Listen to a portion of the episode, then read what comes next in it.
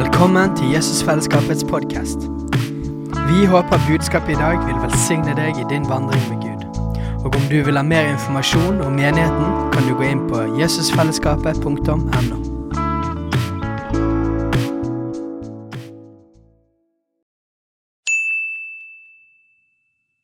Hei! Visste du at Jesusfellesskapet starter en ny bibelskole til høsten?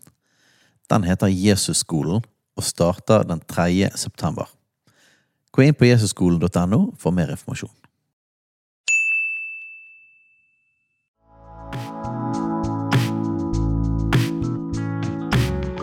Velkommen til Jesusfellesskapets podkast. Vi håper budskapet i dag vil velsigne deg i din vandring med Gud. Og om du vil ha mer informasjon om menigheten, kan du gå inn på jesusfellesskapet.no. Yes, hallo, hallo. Vi eh, prøver jo stadig nye ting her i koronatidene. Så nå har vi eh, merket til et lite studio hjemme hos oss.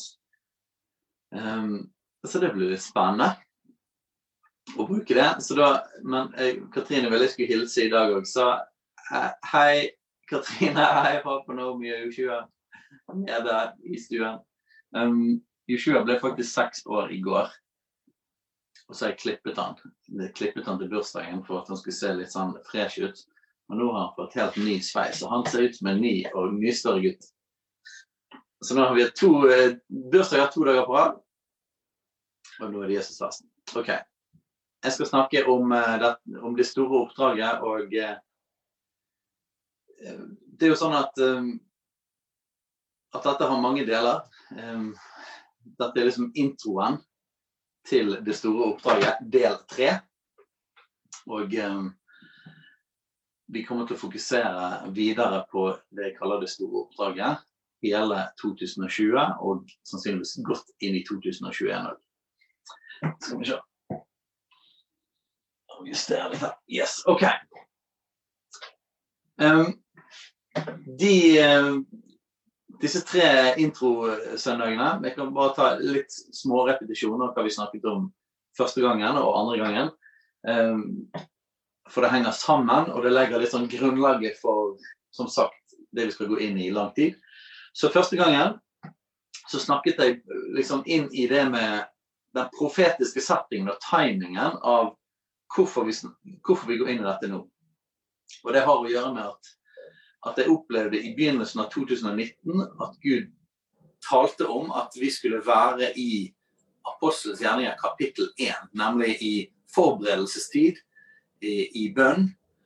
Um, for at vi seinere, og i 2020, skulle gå over i Apostelens gjerninger kapittel 2 med utøselse av Den hellige ånd og med innhøstning og vekkelse. Og jeg opplevde å få spesifikt for dette, dette, året her, 2020, at ordet var gjennombrudd og vekkelse.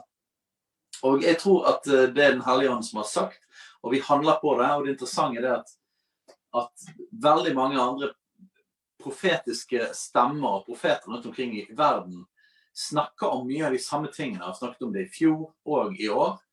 Så jeg tror at dette er mer enn bare et fokus som vi har i. For jeg tror at vi kobler oss sammen med noe Gud gjør globalt. Og nå er det akkurat en Vi var jo på en 40 dagers Jesusfaste som mange, mange i verden var en del av. Uh, og, og, nå er det mange som i, snakker om, mange profetiske stemmer som snakker om noe spesielt som kommer til å skje rundt pinse dette året, 2020. Uh, så, så, vi tror på en, en større utøvelse av Den hellige ånd. Vi tror på at evangeliet ser ut. Så vi posisjonerer oss til det. Vi tror ikke at det bare er hyggelig, oppmuntrende ord. Det, dere har hørt historien om eh, der Jesus snakker om han som bygget huset sitt på sand, og han som bygget huset sitt på stein eller på steingrunn. Ofte så har vi tolket den eh, historien eller litt sånn omgjort til at den som bygde huset sitt på stein, var den som hørte ordet. Men det står spesifikt at det var den som hørte ordet og gjorde etter det.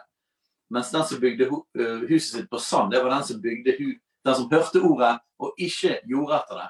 Så det er viktig når vi hører profetiske ord, at vi faktisk handler på det i tro. Så nå har vi faktisk gjort det sånn at hele retningen og fokuset i menigheten er faktisk etter disse profetiske ordene, og at vi opplever Den hellige ånd har. Og da går vi inn i samarbeid, i dynamikk med Gud, om at hvis vi handler på det han sier, og vi posisjonerer oss for det, så tror jeg òg at vi kommer til å høste frukter. Så det var fokus første gangen, og liksom, eh, liksom det større bildet av Apostels gjerninger 1 og 2. Og jeg tror vi skal ende opp i å se nytestamentlig menighet. Det er min drøm. Sist gang så snakket jeg om koblingen mellom intimitet og frukt, og uh, hadde tre setninger. Jeg har lyst til å si denne, de positive setningene som jeg sa på slutten. Jeg har lyst til å si de, si de om igjen. Um, og Dette handler nettopp om at vi skifter et fokus nå. Vi har vært i tre og et halvt år. Har vi fokusert primært innover. Um, på å bygge opp menighet, fokusere på å komme på et bedre sted, både som menighet og individer. Fokusert på hjertet, fokusert på intimitet med Gud. Hele fjoråret var det lovsang, bønn, fase som var fokus. Og for å skifte fokuset, så tar vi altså denne her tre, tre ganger introen, pluss en del ting som vi gjør videre, for å, for å måtte snu fokuset for oss alle i menighet. Um, og setningene som jeg tok på slutten sist gang, var det at intimitet skaper fruktbarhet. Vær i fellesskap med Gud og gjør en forandring i verden. Den andre var nåde fører til etterfølgelse og hellighet. Ta daglig imot Guds nåde, og la Hans nåde forandre deg til den du er skapt til å være. Og den siste var Faderens kjærlighet er for deg, men den er òg for at vi skal bli kjærlighet og gi vårt liv for verdens frelse. Så det betyr at vi har etablert at Guds kjærlighet og evangeliet, det er for oss. Det er for meg. Men samtidig kan det ikke stoppe med oss. Et sunt og kristent liv, sunn menighet, er en balanse mellom de tingene. Så det er for oss, men det er ikke bare for oss. Og det kan ikke bare være for oss. Og Derfor trenger vi å balansere andre veien nå. Eh, og fokusere på hva faktisk evangeliet og Guds kjærlighet gjør i oss, og hva det krever oss, utfordrer oss til videre. Vi kan ikke være noen som bare er i intimitet med Gud, men ikke bærer frukt. Eh, da er vi usunne kristne, og, og, Bibelen sier det at da vil vi bli beskjært, eller i hvert fall hogget av treet. Vi, vi må bli det han har kalt oss til å bli, nemlig lik han. Han er en som gav, og derfor kaller han oss til å gi. Sånn er, Det er kjærlighetens essens, det er evangeliets essens. Så OK, det store oppdraget, det er overskriften som jeg har lagd på dette, men det, det, er basert på to vers. Så nå skal jeg lese de, og i dag skal vi gå mer konkret inn i det, ikke bare legge grunnlag for det. Så Markus 16, 15-18, det er det første verset. Markus 16, vers 15-18. Og han sa til dem, gå ut i all verden og forkynn evangeliet for all skapningen. Den som tror og blir døpt, skal bli frelst. Men den som ikke tror, skal bli fordømt. Og disse tegnene skal følge dem som tror. I mitt navn skal de drive ut onde ånder. De skal tale med nye tungemål. De skal ta slanger i hendene. Og om de drikker dødelig gift, skal det ikke skade dem. På syke skal de legge sine hender, og de skal bli helbredet. Og så er det andre verset, i Matteus 28, 19-20. Gå derfor ut og gjør alle folkeslag til disipler, idet dere døper dem til Faderens og Sønnens og Den hellige ånds navn, og lærer dem å holde alt det jeg har befalt dere. Så det store oppdraget er disse to versene. og Jeg har eh, kortet det ned til at det store oppdraget er å forkynne og demonstrere evangeliet og å trene disipler som trener disipler. Så det å forkynne evangeliet, demonstrere evangeliet, eh, det å gjøre disipler som òg gjør nye disipler, det er det store oppdragets essens. OK. Eh, som vanlig pleier jeg å ha massevis av bibelvers. Jeg håper at du har eh, Bibelen framme. Jeg er klar for å bla. Vi trenger å spise ordet, vi trenger å lese ordet, vi trenger å forkynne ordet. Vi trenger å la det bli en del av oss. Jeg tror det er veldig veldig viktig i denne tiden. Eh, at vi blir vant med Bibelen. Så Derfor bruker jeg mye bibelvers. For dette, det, Det er ordet som, som skaper tro. Det er ordet som forandrer oss. Ordet vil skaper det det sier. OK. Johannes 12,45. Ok, De første versene her trenger dere ikke slå opp. Jeg kan si fra når dere har slått, for det blir det mange vers. Johannes 12,45. Det første jeg skal snakke om her, det er det å være sant. Vi er sant. Jesus har snakket masse om å være sant, og jeg tar et par vers om det. Jesus sa, 'Den som ser meg, ser han som har sendt meg.' Den som ser meg, den ser han som har sendt meg. Det betyr at, at han Når folk så Jesus, så egentlig det han var der for, var å reflektere en annen. Og Vi skal se at dette har noe å si for oss i dag. I Johannes 4,34 sier Jesus Min mat er å gjøre Hans vilje, som har sendt meg, og fullføre Hans gjerning. Så Jesus sitt fokus, eh, hans liv når han var på jorden, det var å gjøre Faderens vilje, han som hadde sendt ham. Eh, Lukas 4,43 sa han, men han sa til dem, også i de andre byene må jeg forkynne evangeliet om Guds rike, for til det er jeg utsendt. Så Jesus var bevisst av at han var sendt av Faderen. Han var sendt av Faderen for å representere han, ligne på han. Alt han sa, det var ting som Faderen sa. Alt han gjorde, var ting som Faderen viste han skulle gjøre. Eh, hvis de så han, hvis de så Jesus, så så de egentlig Faderen. Og, og han, han ble styrt av det at han var sendt. Han var styrt av at, at han hadde et oppdrag. Så når han hadde vært for lenge et sted, så sa han at vi må gå til de andre byene. Fordi at eh, det er dette jeg er utsendt for. Jeg er sendt for å forsyne evangeliet om Guds rike. Så Jesus var bevisst at han var sendt, og det styrte faktisk alt han gjorde. Og så ser vi Johannes 2021. Jesus sa da igjen til ham, fred være med dere. Like som Faderen har utsendt meg, sender jeg også dere. Like som Faderen har utsendt meg, sender også jeg dere. Så Jesus sa til sine tolv og vi tror jo at de tingene han sa til de tolv apostlene, de tolv disiplene eh, og de andre rundt ham, det var ikke bare til dem, men det er til oss. Og, og dette er en, eh, en kjernesannhet i evangeliet og Guds rike som vi lever og forsyner. Og det er at på samme måte som at Jesus var sendt til jorden, på samme måte sender han oss til verden. Og hvordan er vi da sendt, hvis vi er sendt på samme måten? Jo, det blir jo akkurat samme som jeg leste i sted. Det betyr at den som ser oss, ser ikke oss, men de ser den som har sendt oss, nemlig Jesus.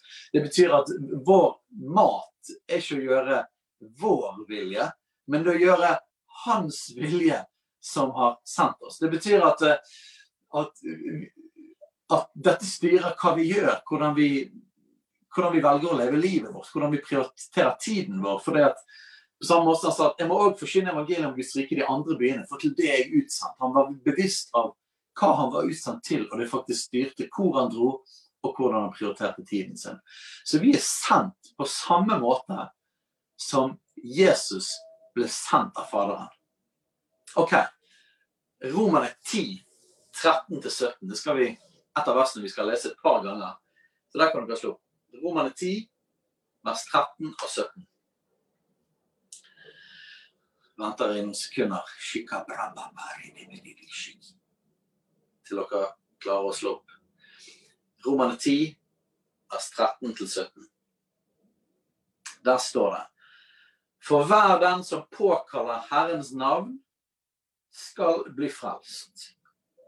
Men hvordan kan de påkalle en som de ikke er kommet til å tro på? Og hvordan kan de tro på en de ikke har hørt om? Og hvordan kan de høre uten at det er noen som forkynner? Og hvordan kan de forkynne uten at de er blitt utsendt? Som skrevet står, hvor fagre deres føtter er som bringer fred. Som bringer et godt budskap. Men ikke alle var lydige mot evangeliet. For Jesaja sier, 'Herre, hvem trodde vel det han hørte av oss?' Så kommer da troen av forkynnelsen som en hører. Og forkynnelsen som en hører, kommer ved Kristi ord. Så hvordan kan noen forkynne uten at de blir utsatt? Vi skal se mer på det verset litt senere. Så hold gjerne en finger der. Men hvordan kan de forkynne uten at de har blitt utsendt? Jesus var sendt, og han sender oss. Og vi er sendt på samme måten som Jesus til denne verden. Utsendt. Det greske ordet for utsendt eller for sende, det er apostolos. Eh, og det er det ordet vi får apostel av. Apostel betyr utsendt. Eh, så vi er sendt på samme måten som Jesus er sendt. Vi er sendt på samme måten som Jesus sine apostler, Jesus sine disipler, ble sendt. Vi har et apostolisk oppdrag. Vi er sendt til verden for å forkynne og demonstrere evangeliet. Vi er sendt til verden for å trene disipler. Menigheten er i sin natur erobrende. Vi er ikke til for oss sjøl primært. Vi er til for verdens skyld. På samme måte som at Jesus han kom ikke til jorden for sin skyld. Jesus hadde det fint i himmelen. Jesus, Jesus levde i fellesskap med Faderen og med Den hellige ånd. Han, han, levde i en tilstand av engler og kjeruber som tilba han. Han hadde det perfekt. Jesus kom ikke til jorden for sitt eget behov, fordi han ville ha dra på ferie et sted. Jesus kom til jorden for vår skyld. Vi er sendt på samme måten som Jesus. Det er ikke til for oss, det er til for verden. Og, og og jeg vet at, og Nå fokuserer jeg denne siden, for det er det som er timingen, og dette er en viktig side av evangeliet. Men jeg vet at alle blir redd her. Mange blir redd når jeg snakker om dette. For det blir sånn ah, liksom, selvutslettende. Um, hva med meg, da? Hva med meg? Ikke mine behov viktig. Jo, våre behov er viktig. Være elsket av Faderen, leve i relasjon med Faderen, ta imot kjærligheten, ta imot evangeliet og nåde. Det er essensielt for vår del. Men jeg kan ikke stoppe det. Og så mange av oss trenger noen ganger så er det sånn at vi trenger å komme dypere for at ting skal begynne å leve inni oss, sånn at frukt skal begynne å komme ut. Men noen ganger så er det sånn at vi, vi har fokusert så mye inn at vi blir selvsentrert, og det blir forstoppelse. Så en del ganger så trenger vi faktisk å gå ut for at hele mekanismen skal komme i gang. Vi trenger å løfte blikket fra oss sjøl og utover for å bli koblet på hele denne dynamikken som er i evangeliet. Ja, vi skal inn, og vi skal ut. Men vi må ut. I, i evangeliets essens er at vi er ikke til for oss sjøl, vi er til for noen andre. Og det er nettopp der vi finner livet. Jesus sa det jo sånn at den som mister sitt liv, skal finne det. Den som finner sitt liv, skal miste det. Betyr at prøver vi å holde fast på, så kommer vi til å miste livet. For mange av dere er jeg helt overbevist om at det er mye av dynamikken og livet og gleden i din relasjon med Gud som faktisk eh, er begynt å visne fordi Ja, når jeg sier det rett ut, så får eh, de koseligere folkene trøster deg etterpå. Men fordi du er blitt selvsentrert. Selvsentrerthet dreper faktisk det indre livet. Det dreper din glede. Det, det dreper intimitet med Gud, faktisk. Den sunne dynamikken er inn og ut, inn og ut. OK. Det er utrolig viktig for meg at, at dette budskapet om det store oppdraget ikke blir redusert til noen evangelisters fokus. Eh, men at vi skjønner at dette er en av hovedfokusene for hele Guds menighet. Dette er en del av evangeliets kjerne.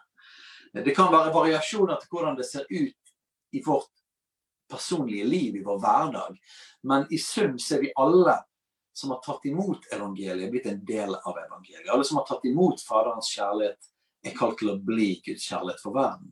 Dette er evangeliet. Det er ikke bare noen lemmer av legemet sitt oppdrag. Det vil se forskjellig ut, men det store oppdraget er så stort at det er plass til alle gaver, det er plass til alle personligheter, det er plass til alle sesonger i livet. Men vi er ikke til for oss sjøl. En av de første tingene som som Jesus sa til disiplene sine, var Følg meg, så skal jeg gjøre dere til menneskefiskere. Jeg vet at noen er nervøse når vi skal fokusere på evangelisering, fordi at uh, de kjenner tilkortkommenheten. Man kjenner frykt, man kjenner nederlag, man kjenner dårlig samvittighet. Alle disse tingene kommer opp. Men jeg synes det er utrolig oppmuntrende at Jesus sier 'følg meg, så skal jeg gjøre dere til menneskefiskere'. Når jeg, En av måtene Jesus gjør det på, er at det blir forsynt, man blir trent, man blir sendt ut. Men fokuset er likevel på at han gjør det. Han bruker de tingene, og så gjør han det i oss. Og hvis vi hører Den hellige ånd rett, og dette faktisk er en sesong for det Nå er jo dette riktig til alle tider, men, men hvis vi til og med er i en sesong av vekkelse, innhøstning, så betyr det at Den hellige ånd har en helt spesifikk plan på hvordan ta deg skritt for skritt for hvor du er nå, hvor jeg er nå, til at vi skal bli menneskefiskere. Følg meg, så skal jeg gjøre dere til menneskefiskere. Et annet vers. Matteus 9, 36 og litt utfor. Matteus 9, 36. Det kan vi jo lese sammen.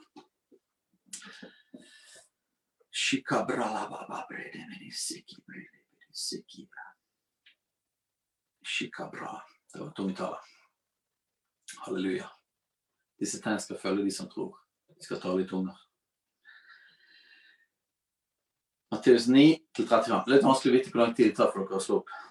Jeg begynner nå. Og Jesus dro omkring i alle byene og landsbyene. Han lærte i deres synagoger, han forkynte evangeliet om riket. Og han helbredet all sykdom og alle plager.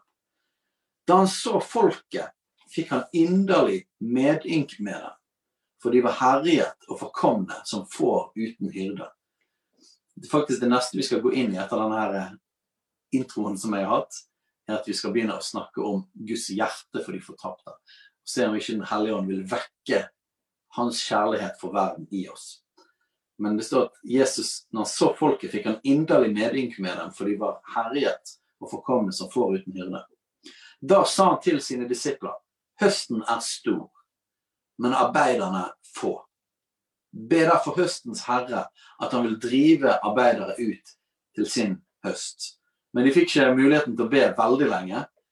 For så Neste vers står det at han kalte til seg sine tolv disipler. Og han ga dem makt over urene ånder, så de kunne drive dem ut. Og til å helbrede alle slags sykdommer og plager. Så står det dette er de tolv apostlenes navn.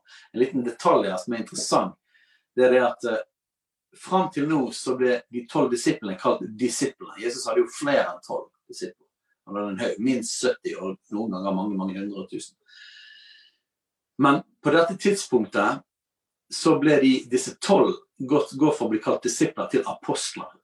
Og hvorfor ble de kalt apostler? For at apostel betyr utsendt, og det som Jesus gjør er at han sender de ut. I sin essens er apostler å være utsendt for å bringe Guds rike og bringe evangeliet. Eh, nå er ikke det alle som er kalt å være apostler, men vi har et apostolisk oppdrag. Guds menighet har et apostolisk oppdrag om å bringe evangeliet og bringe Guds rike. Og så står det i vers 7 og 8.: Når dere går av sted, så forsyn. Himlenes rike er kommet nær. Helbred syke, vekk opp døde, rens spedalske og driv ut onde ånder. For intet har dere fått det, og for intet skal dere gi det. Ok, Eh, det var en intro til del tre av intro til det store oppdraget. OK? Skal se klokkene. 17.23. OK. Nå skal vi snakke om tre forskjellige ting.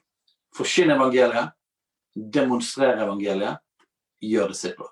Vi kommer til å gå detaljert inn i alle disse områdene seinere. Eh, vi kommer til å trene til å forkynne evangeliet, vi kommer til å trene til å demonstrere evangeliet, vi kommer til å trene til å gjøre disipler. Så dette er bare en kjapp gjennomgang av disse hovedtingene i det store oppdraget. Først har jeg bare lyst til å si litt om å forkynne evangeliet. Jeg vet ikke om du har hørt dette, men det er en veldig populær setning i Vesten. Og eh, beklager, men jeg må drepe den i dag. Har du hørt dette før? Forsyn evangeliet, om nødvendig med ord. Det skal visstnok være et sitat av en som heter Frans av Assisi. Forsyn evangeliet om nødvendig med ord. Jeg har hørt mange si det. Eh, og Frans av Assisi var en som forsynte evangeliet med ord, og han gjorde masse fantastiske ting. Han, han både helbredet syke, og han tok seg av fattige. Så han var en helt superfin fyr.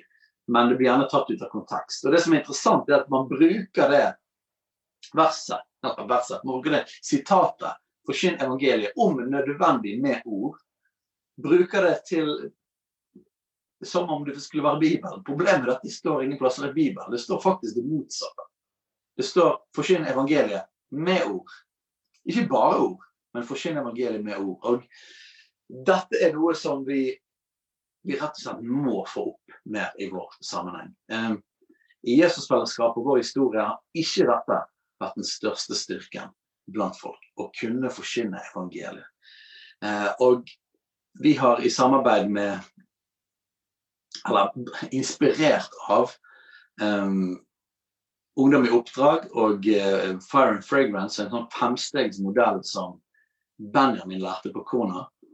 Uh, så har vi fornorsket og forfrisket den litt, sånn at vi kan lære å forsyne evangeliet. Enten på kort type ett minutt, fem minutter eller ti minutter eller lengre. Den kan brukes til alle lengder, alle situasjoner. Men vi skal gå inn i trening før sommeren på hvordan forsyne evangeliet. Og vi skal trene på å forsyne evangeliet til hverandre. For hvis vi skal ha en disippel av Jesus, en kristen person, så må vi kunne dele evangeliet. Å kunne dele evangeliet er ikke liksom en spesialting for evangelister. Det er alle troende skulle kunne forkynne evangeliet og dele evangeliet. Ok. Markus 16, 15-18 sier gå ut i all verden og forkynn evangeliet for all skapningen.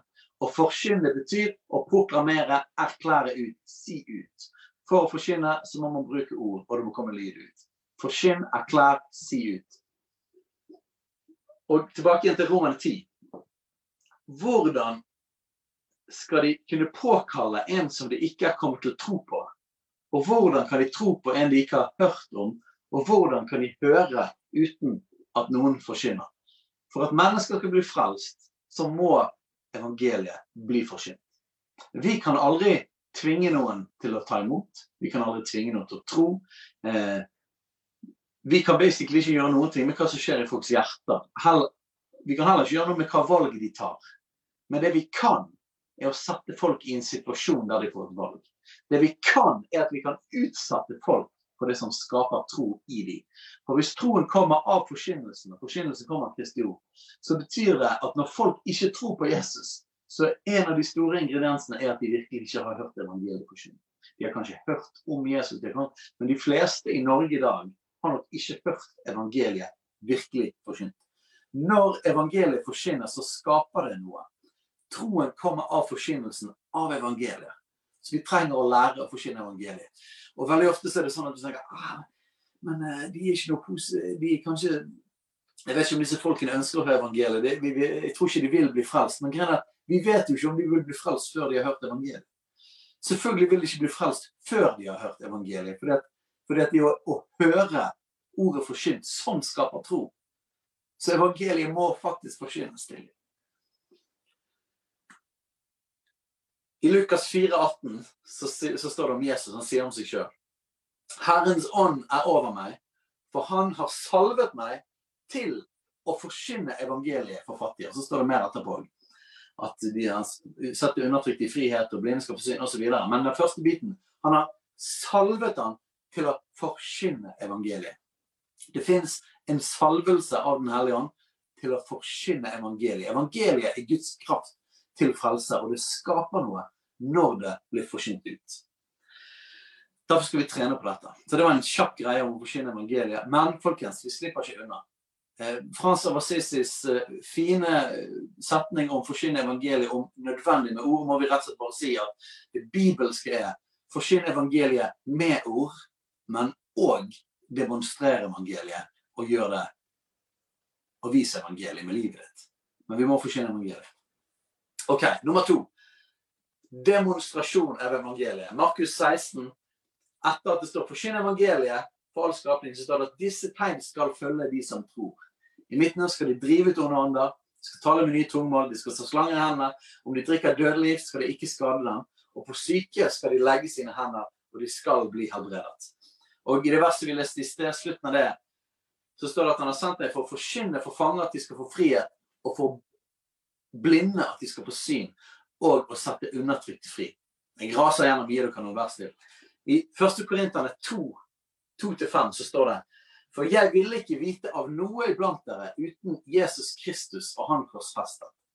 Jeg var hos dere i svakhet, under stor frykt og beven, og min tale og min forkynnelse var ikke med visdoms overtalende ord, men med ånds og krafts bevis. for at deres tro ikke skal være grunnet på menneskelig visdom, men på Guds kraft. Evangeliet skal forkynnes med ord, men det skal òg demonstreres med kraft. Evangeliet skal vises i praksis. Ja, gjennom gode gjerninger, gjennom Guds godhet. Men det som det står mest om i Det nye testamentet, er helbredelse av syke og å kaste ut onde ånder. Og vi skal gå inn igjen i det. Vi hadde en periode for, en del år siden der, der helbredelse var i stort fokus. Noen, jeg husker noen på den tiden anklagde meg og oss for at vi var overfokusert på helbredelse. Og jeg husker at jeg gikk inn i, inn i Bibelen, for jeg, det, det, traff meg. og jeg var hjemme, altså, Gud, er vi overfokusert på helbredelse? Så husker jeg måtte, måtte bare lese gjennom evangeliene apostelens gjerninger igjen. Og så så jeg det at eh, hvis noen var overfokusert på helbredelse, så må det være Jesus. Eh, og det er ingenting Jesus var mer kjent for enn å helbrede syke. Jeg vet ikke om vi kan si det om Guds menighet i Norge i dag. Men? At vi, det vi er mest kjent for, er å gjøre syke, syke friske og helbrede, gjøre mirakler og tegne under.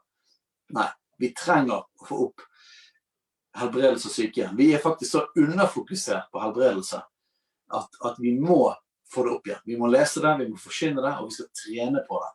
Og det som skjer er at Når vi begynner å handle på Guds ord, så begynner tingene å skje. Og vi kommer til å se massevis av mirakler igjen. Og tegn og under kommer til å bli en del av kulturen vår igjen.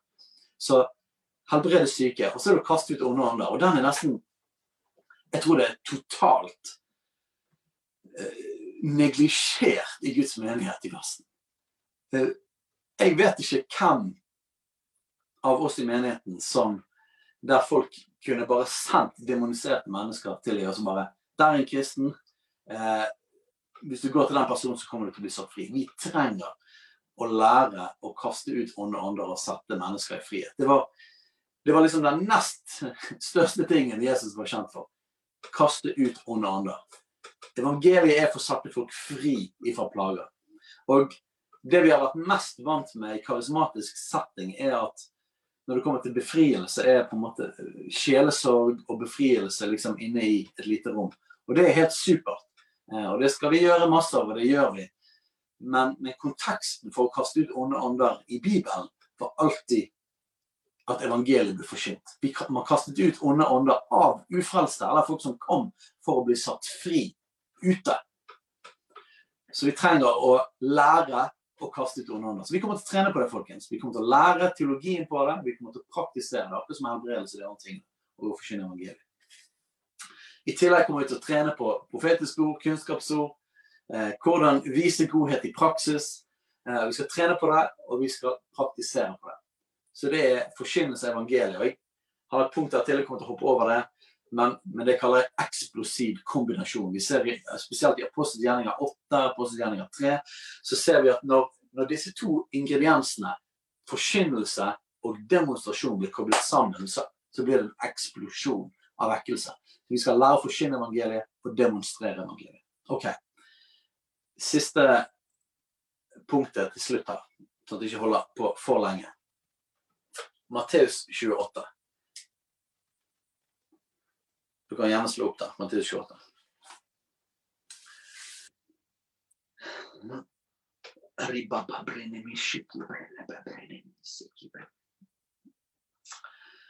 I Matteus 28 så står det Oi, jeg var feil selv.